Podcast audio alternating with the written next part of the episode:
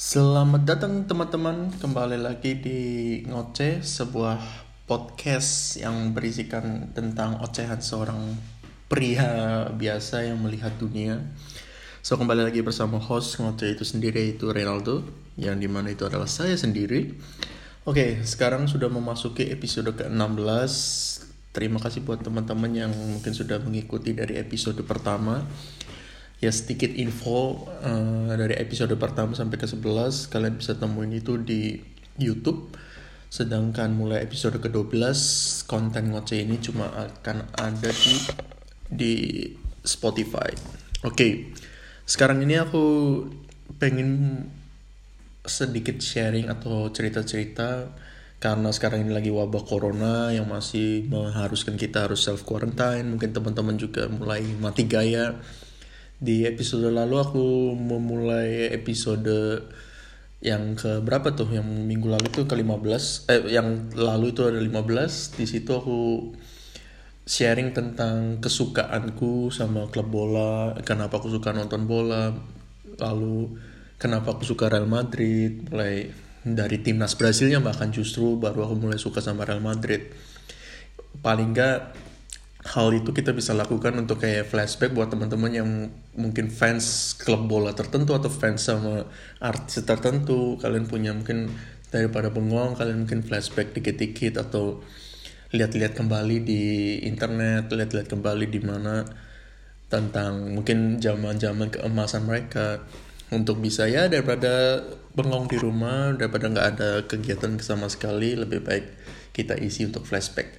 Oke, sekarang ini masih karena masih kita masih dalam suasana wabah corona di mana kita harus tetap stay di rumah. Uh, kali ini aku pengen bahas tentang film sama buku. Dari sini uh, aku tuh salah satu penggemar film, penggemar film banget sama penggemar buku. Tetapi kalau ditanya film genre apa yang aku suka, Uh, sedikitnya itu kayak kayak lagu sih. Kalau aku kayak lagu aku bukan satu orang yang fanatik sama lagu tertentu. Misalkan ada orang kan suka sama genre tertentu. Ada orang yang sukanya cuma jazz atau orang yang sukanya genre pop atau mungkin ada orang yang benar-benar suka sama salah satu band tertentu atau penyanyi tertentu. Jadi benar-benar die hard fans gitu jadi apa pun yang mereka buat karya mereka satu band itu benar-benar dihajar dihabi, uh, dimakan semua itu. Lah kalau aku salah satu orang yang mungkin fans tipe fans atau suka yang ya kalau menurut aku bagus. Jadi mungkin kalau kita bicara lagu dikit ya dikit aja. Kalau misalkan aku suka sama satu lagu ya aku nggak peduli siapa penyanyinya siapa bandnya genrenya apa. Uh, jadi aku nggak fanatik sama siapa yang penciptanya tapi ke lebih ke oh lagu itu enak atau enggak. Jadi mungkin aku bisa aja mungkin aku suka lagu-lagu kayak contoh misalkan ini aku aku suka lagu-lagunya Westlife. Aku suka lagu-lagunya Westlife.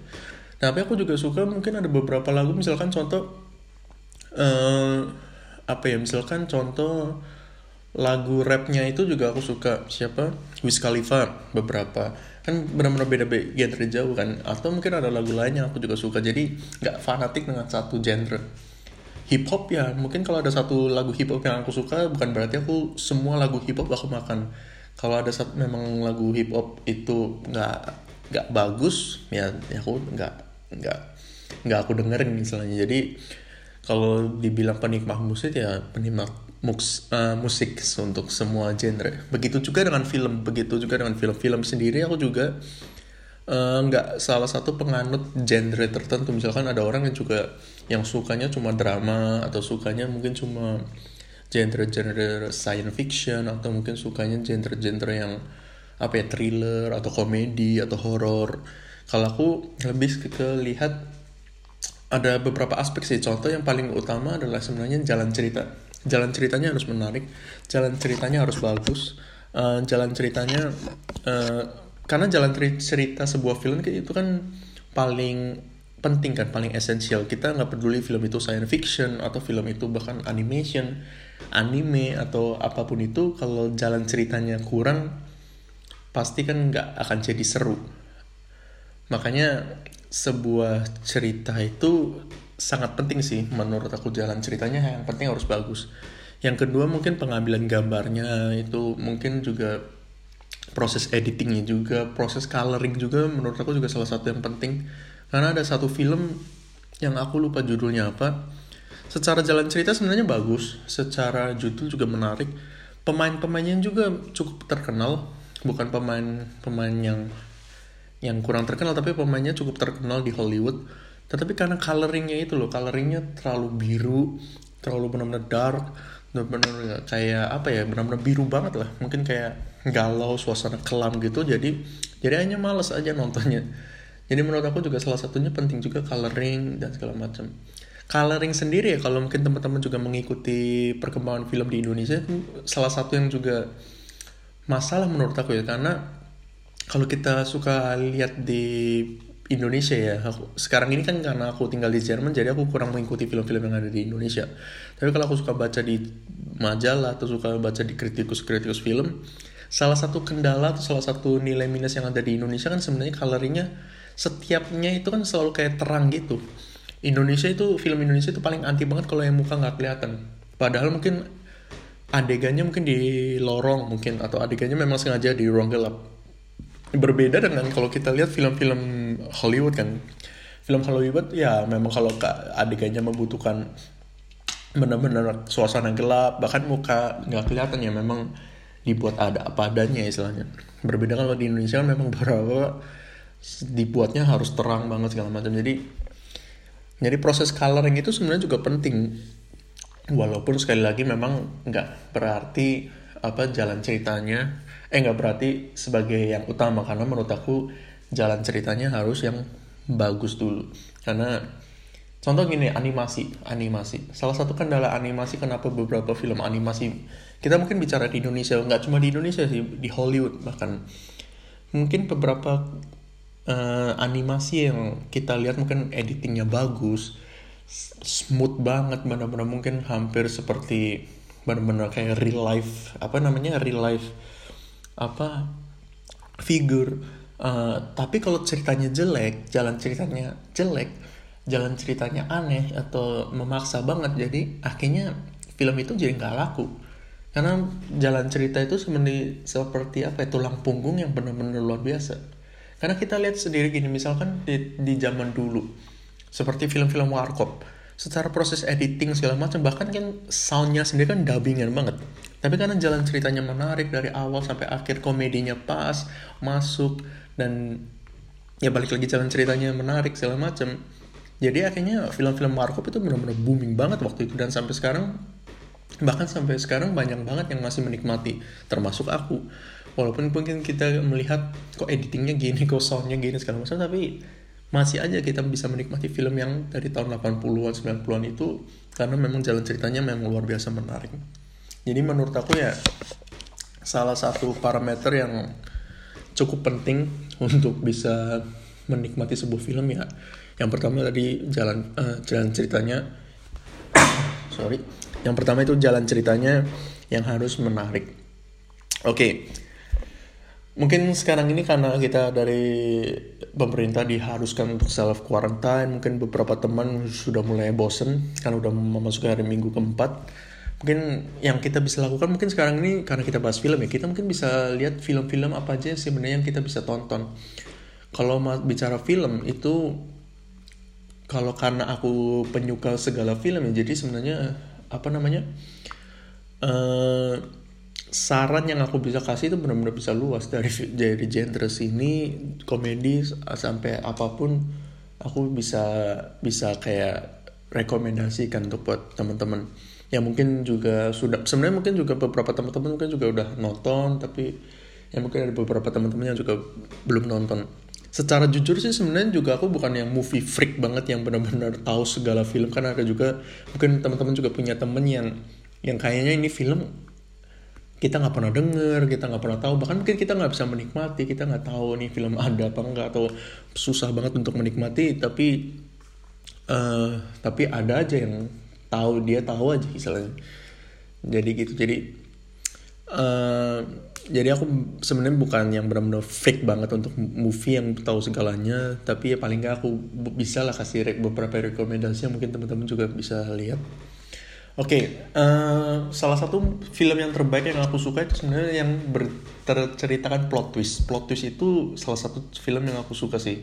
Kalau ada di dalam film itu ada plot twist, uh, ternyata yang antagonisnya sebenarnya ini justru per, apa peran yang yang selama ini barengan terus ternyata dia yang dibalik semua itu itu salah satu film yang aku suka film yang terbaik yang yang aku suka ya film-film seperti itu yang kita mikir kita dibawa mikir. Uh, kalau nggak salah judulnya Shutter Island kalau nggak salah. Ada satu film yang tentang itu yang main itu Leonardo DiCaprio sama Mark Ruffalo. Itu menurut aku salah satu film yang bagus. Itu kalau nggak salah nama judulnya Shutter Island atau apa? Itu salah satu film yang menurut aku bagus. Inception juga bagus. Inception itu bagus. Uh, terus yang film-film itu Seven. Seven itu juga bagus. Terus apa filmnya Kevin Spacey itu aku lupa namanya itu. Pokoknya Inspicious Suspect kalau nggak salah itu film tahun 90-an sebenarnya film tahun 90-an itu banyak yang bagus-bagus sih. Banyak yang benar-benar ceritanya itu benar-benar dalam. Sebenarnya bahkan justru sekarang-sekarang ini malah justru filmnya nggak sedip atau sedalam film-film tahun 90-an film-film tahun 90-an itu benar-benar banyak yang bagus. Mulai dari filmnya Brad Pitt bagus mulai banyak filmnya si Tom Hanks. Terus mulai uh, filmnya Morgan Freeman juga bagus-bagus kan uh, seperti Forrest Gump terus seperti apa? Redemption Redemption apa itu? Kan filmnya si Morgan Freeman yang ada di penjara gimana dia mencoba keluar. Itu itu film terbaik juga yang pernah aku tonton juga. Uh, terus kalau kita bicara ada lagi nggak ya tahun 90-an yang masih bagus? Hmm. beberapa banyak sih sebenarnya aku karena aku buatnya memang spontan aja jadi aku nggak memang nggak buat listnya jadi ya yang spontan aja yang terbesit di kepala. Lalu kalau kita tahun 2000 itu karena 2000 itu memang teknologi semakin maju ya uh, muncul film-film Marvel tuh film-film Marvel tuh gila-gila banget sih. Uh, film-film Marvel itu kayak menurut aku itu benar-benar menyediakan sesuatu yang lengkap banget. Dramanya ada jalan ceritanya bagus terus uh, ya kalau efeknya kita nggak perlu uh, ragukan lagi. Memang itu benar-benar luar biasa itu kan. Benar-benar padahal semua CGI semua kan. Mana ada Hulk mana ada siapa yang Ant-Man segala macam. Tapi benar-benar nggak cuma sampai di situ jalan ceritanya juga luar biasa bagus. Uh, sebelum kita lanjutin ya ke list film, aku tadi ingat satu hal juga tentang jalan cerita. Uh, ada satu film yang mungkin baru-baru ini tahun 2000 berapa ya? 17 atau berapa? Yang main Dwayne Dwayne Johnson. Yaitu film yang judulnya San Andreas. Mungkin teman-teman juga tahu.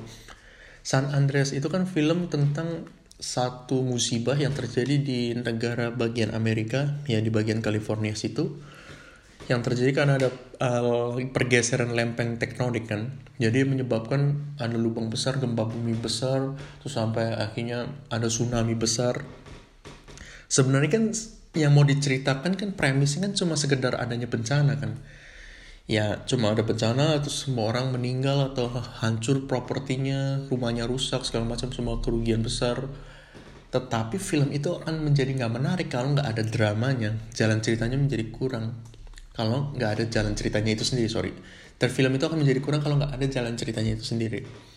Alasan kenapa misal uh, ada si Dwayne Johnson itu sendiri sebagai dia sebagai, bekerja sebagai tim sar lalu ada istrinya yang yang yang berpisah sama dia terus ketemu cowok baru yang kaya raya terus anaknya juga ikut sama ibunya. Ternyata si adiknya itu yaitu anak kedua si pemeran Dwayne Johnson itu ternyata uh, meninggal terus yang menyebabkan mereka bercerai selain berpisah. Drama-drama seperti itu yang membuat akhirnya film itu jadi keren jadi semua orang pengen nonton. Padahal mungkin kalau nggak ada drama itu ya itu cuma sekedar seperti kayak National Geography yang membahas tentang patahan San Andreas atau gempa bumi.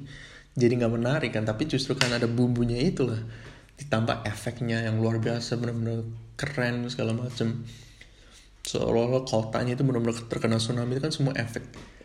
Tapi itu menjadi lebih indah karena ada jalan ceritanya. Bagus jadi makanya itu jalan cerita itu lebih sangat penting. Jadi nggak peduli sebagus apa pun sekali lagi efeknya animasi kalau jalan ceritanya kurang film itu jadi kurang bisa dinikmati. Sebenarnya banyak kan di film di Indonesia seperti yang sudah spend uang banyak banget buat animasinya buat efeknya tapi karena jalan ceritanya jadi jadi kurang jadi, uh, jadi filmnya juga kurang laku juga. Tadi balik lagi ke Marvel Marvel itu menyediakan sebuah film paket yang lengkap banget menurut aku. Jalan ceritanya menurut aku sendiri aku karena penggemar Marvel ya dan nggak cuma Marvel sih aku juga penggemar DC kenapa? Karena kayak memberikan multiverse yang baru loh. Kayak memberikan kehidupan yang baru terus bumi nggak cuma satu tapi bumi ada di tempat lain juga di mana ada kehidupan di tempat lain juga. Dan itu benar-benar kayak kita dibawa masuk ke dalam multiverse itu. Dan ternyata aku yang superhero misalkan ternyata adik aku atau mungkin aku punya double ganger atau si ini yang selama ini kerja sama aku ternyata dia kalau dirunut lagi sebenarnya dia keturunannya siapa dan ternyata superhero juga anaknya dari siapa serum ini wah nyambung sama sekali. Dan dan bagaimana Marvel itu dan DC mencoba mengkorelasikan dengan kejadian yang ada di dunia nyata ini benar-benar membuat kita kalau membuat aku menarik untuk mengikuti sih. Jadi nggak nggak heran setiap Marvel setiap DC punya film selalu ditunggu-tunggu. Dan yang lebih selalu ditunggu adalah end credit title-nya kan. Kan yang kalau nggak salah sih Marvel yang menginisiasi adanya end credit title dalam sebuah film. Jadi setelah Iron Man pertama di tahun 2008 di mana itu gambling pertamanya Marvel di mana hanya sukses beras eh, sukses berat 3000 minutes sampai akhirnya Avenger Endgame salah satu film tersukses yang pernah ada. Kan di Iron Man 1 itu di tahun 2008 ada salah satu end uh, credit end creditnya kan. Dan itu yang sebenarnya kalau menurut aku kayaknya itu yang menginisiasi hanya semua film itu ada end credit yang membuat semua penonton di bioskop tuh kayak nggak pergi dulu setelah film itu selesai di credit title sampai nunggu berharap ada end creditnya dan itu Marvel selalu pasti ada selalu ada end credit yang sangat menariknya itu kayak di end credit itu kayak menghubungkan mungkin jalan cerita yang baru atau mungkin untuk sequelnya atau ternyata siapa itu siapa istilahnya atau mungkin yang di film itu cuma orang biasa pemeran biasa di end credit title dijelaskan ternyata si orang biasa itu ternyata adalah siapa yang kita tahu Marvel sendiri mungkin tertolong juga karena komiknya juga sukses berat, berat. Jadi jadi kita kayak tahu oh oh ternyata dia si ini istilahnya. Oh dia si ini. Mungkin di film Spider-Man misalkan ini kita omong kosong aja ya. Oh di Spider-Man di filmnya ada orang biasa yang mungkin tukang sapu-sapu doang. Terus ternyata pasti end credit title dikasih tahu ternyata yang tukang sapu-sapu ini ternyata mungkin siapa kalau di Spider-Man uh, uh, mungkin atau siapa lah mungkin ternyata si dia itu ternyata si Venom mungkin atau si Carnage. Jadi oh si itu tuh kita tahu tuh ya gitu. dan itu menurut aku sangat menarik sih jalan ceritanya dia bagaimana dia membawakan itu yang luar biasa. Itu Marvel. Jadi Marvel itu semua film Marvel aku hampir makan sih. Uh, kalau di situ menurut aku yang bagus itu yang paling bagus ya tentunya di uh, triloginya si Batman. Itu trilogi terbaik dari yang pertama sampai yang terakhir si Christian Bale sama yang main eh, yang mendirect itu Christopher Nolan. Jokernya juga luar biasa. Film Joker juga juga bagus yang DC walaupun itu menceritakan Joker yang bukan Joker yang melawan Joker yang Joker yang melawan Batman di Batman kedua tetapi itu menceritakan tentang Joker original istilahnya jadi mungkin ceritanya sebenarnya Joker yang melawan Batman nanti setelah itu sebenarnya terinspirasi sama si si Joaquin Phoenix uh, Joaquin Phoenix ini. Sama si Joaquin Phoenix ini dia terinspirasi. Jadi sebenarnya dia kayak versi originalnya si Joker ini yang menginspirasi. Nanti muncul Joker Joker Joker yang mungkin ya mungkin menginspirasi Joker Joker atau mungkin si menginspirasi si Joker yang jadi musuh bebuyutan Batman. Karena di filmnya Joker itu sendiri si Bruce Wayne kan diceritakan juga masih kecil kan. Diceritakan masih kecil. Uh, dan di edit di ending filmnya kan juga ending scene-nya kalau mungkin kalau teman-teman juga udah menonton Joker kan di situ terlihat si papa mamanya si Bruce Wayne pas uh, ditembak mati. Dibunuh jalannya dibunuh di depan teater itu sendiri. Itu jadi film-film itu terus banyak sih banyak banget film-film yang lain genre-genre lain. Film-filmnya Dwayne Johnson juga aku sangat banget suka. Sama si Kevin Hart juga beberapa kali dia banyak film yang bagus bareng. Contoh Central Intelligence. Terus aku juga suka filmnya dia Jumanji juga bagus. Uh, sekarang ini juga sebenarnya banyak juga film-film Netflix yang bagus. Kayak contoh 24 Bridge kalau aku nggak salah namanya ya terus ada film lain apa itu? Yang main si Mark Wahlberg itu juga bagus banget menurut aku. Terus ada satu film juga filmnya si siapa pemeran Batman yang sekarang? Aku lupa namanya judulnya kalau nggak salah apa ya? Aku lupa juga itu sebenarnya atau take back atau apa ya? Lupa.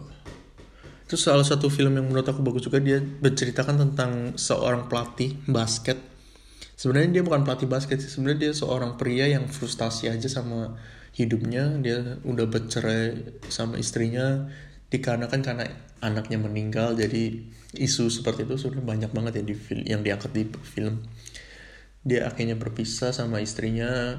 Dia stres dia setiap hari mabuk-mabukan segala macam sampai akhirnya diberi satu kesempatan untuk melatih tim basket sekolah atau SMA di mana dia berada dulu. Tim ini benar-benar bobrok per terakhir kali tim ini masuk playoff basket itu benar-benar ketika si pelatihnya ini si pelatih yang ini ketika SMA jadi udah begitu beberapa puluh tahun yang lalu. Dan dia bawa itu sebenarnya klasik lah sebenarnya ceritanya dengan datangnya dia memotivasi dan akhirnya menjadi masuk playoff. Tapi sebenarnya ada satu bagian yang sebenarnya jarang kita temui dan itu berbeda dan itu membuat justru bagus intriknya dia hubungannya dia sama istrinya juga dramanya benar-benar kuat. Dan aku suka sama film-film yang itu. Uh, dan film apa lagi yang sebenarnya bagus? Sebenarnya banyak sih kalau kalian teman-teman lihat itu di Netflix uh, itu banyak film-film yang bagus yang dikeluarkan. Uh, film-film tentang kayak persahabatan dua orang itu juga banyak yang aku suka. Kayak contoh misalkan Ride Along bagus. Itu antara si si Ice Cube sama si siapa namanya? Kevin Hart.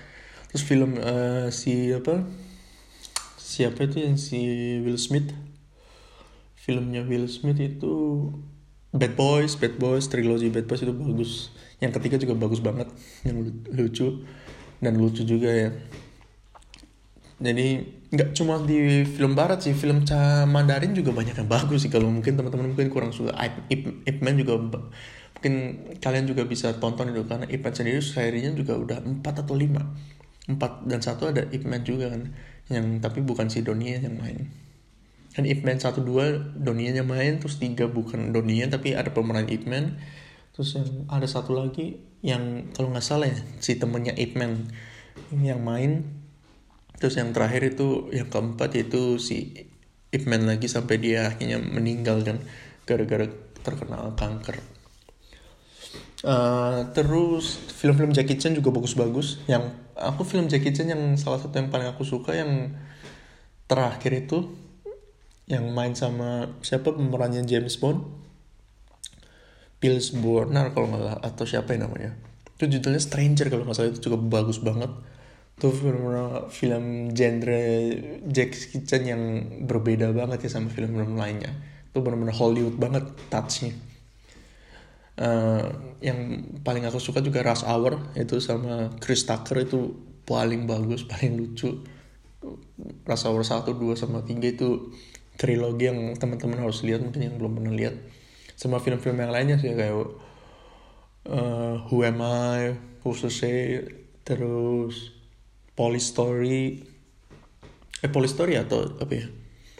Ya film itu habis itu apa lagi ya?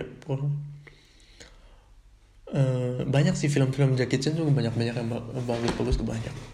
Jadi teman-teman bisa lihat-lihat itu uh, apalagi ya kalau di Indonesia sendiri sebenarnya juga ada beberapa film yang bagus filmnya Radit aku suka banyak yang lucu-lucu filmnya Ernest juga bagus-bagus. Yang belum aku tonton filmnya Ernest tuh yang dua terakhir itu film Imperfect sama Millie dan Mamet itu aku belum nonton. Tapi kayak susah sinyal tuh bagus. Cek tok sebelah juga bagus Ernest juga bagus. Dan film Indonesia sebenarnya juga nggak kalah sih banyak juga yang bagus. Walaupun memang ya masih banyak banget yang perlu diimprove uh, bukan mau mengkritik atau gimana tapi karena ya ya cuma pengen ngoceh aja istilahnya. Tapi mungkin ya mungkin ya. Salah satu kendala di Indonesia kenapa filmnya masih belum terlalu maju dan perkembangannya mungkin agak sedikit lambat adalah mungkin permasalahannya ada di aktornya. Kenapa? Karena menurut aku aktingnya itu banyak, sedikit sekali sih yang menurut aku aktor di Indonesia yang punya kemampuan akting yang bagus. Sangat jarang dan bisa cuma dihitung dengan tangan karena banyak banget film-film bagus yang punya ekspektasi besar banget di masyarakat efeknya bagus jalan ceritanya bagus tapi pemerannya itu sendiri. Kita nggak usah bicara ekstrasnya deh kita nggak usah bicara pemeran pembantunya. Pemeran utamanya sendiri bahkan kadang mereka nggak punya kemampuan acting yang sebenarnya cukup memadai. Karena memang banyak di Indonesia kan sebenarnya aktor-aktor itu sendiri kan bukan lahir dari sekolah-sekolah acting atau punya bakat itu tapi kan mereka justru cuma sekedar yang punya follower banyak sekarang ini punya ketenaran yang besar atau punya bakat ini atau punya karya ini istilahnya. Makanya kan beberapa banyak sekarang ini kan produsen-produsen atau produser-produser film di Indonesia kan berani bertaruh misalkan berinvestasi sama teman-teman stand up comedy istilahnya karena mereka punya follower yang banyak. Walaupun mereka ya belum tentu punya kemampuan itu atau mungkin selebgram atau mungkin penyanyi atau mungkin apa pun itu lah uh, produsen itu atau produser itu berani berinvestasi karena mereka menganggap ya mereka punya follower dan film itu bakal laris.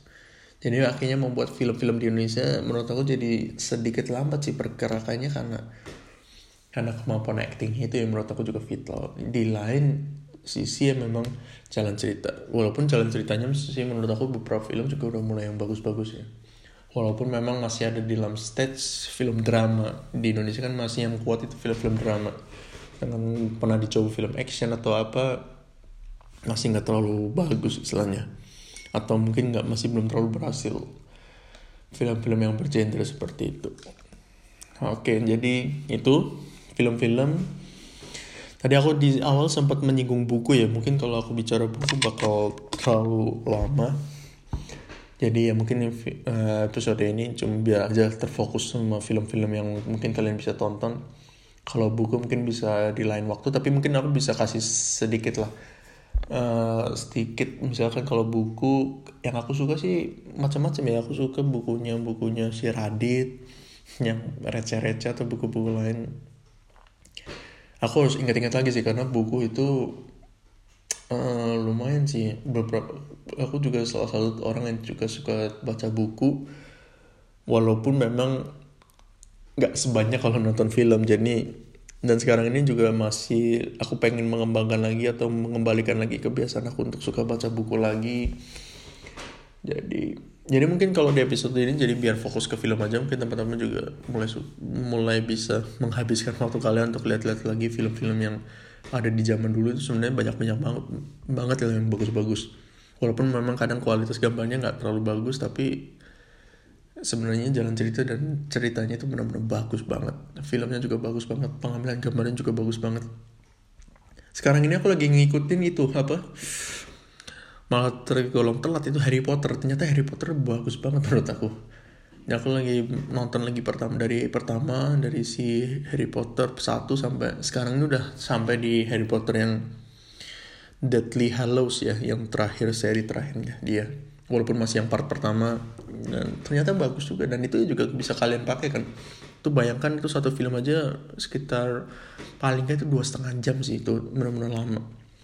Dan benar-benar puas. Dan ada kan total kan ada sekitar 7 film kalau nggak salah atau 8 film. Dari 2001 pertama kali keluar sampai 2011 yang part 2 Deadly Hallows yang menjadi seri penutup atau film penutup dari seri Harry Potter.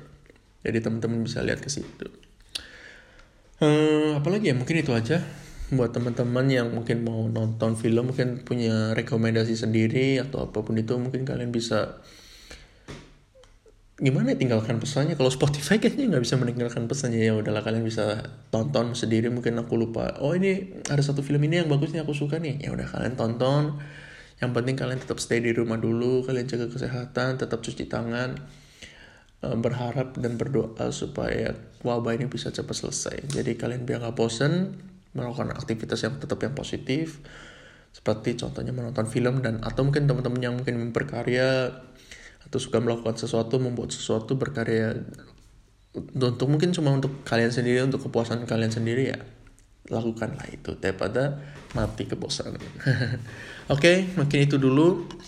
Sampai jumpa di episode episode ngoceh berikutnya. Sampai jumpa. Bye. Stay healthy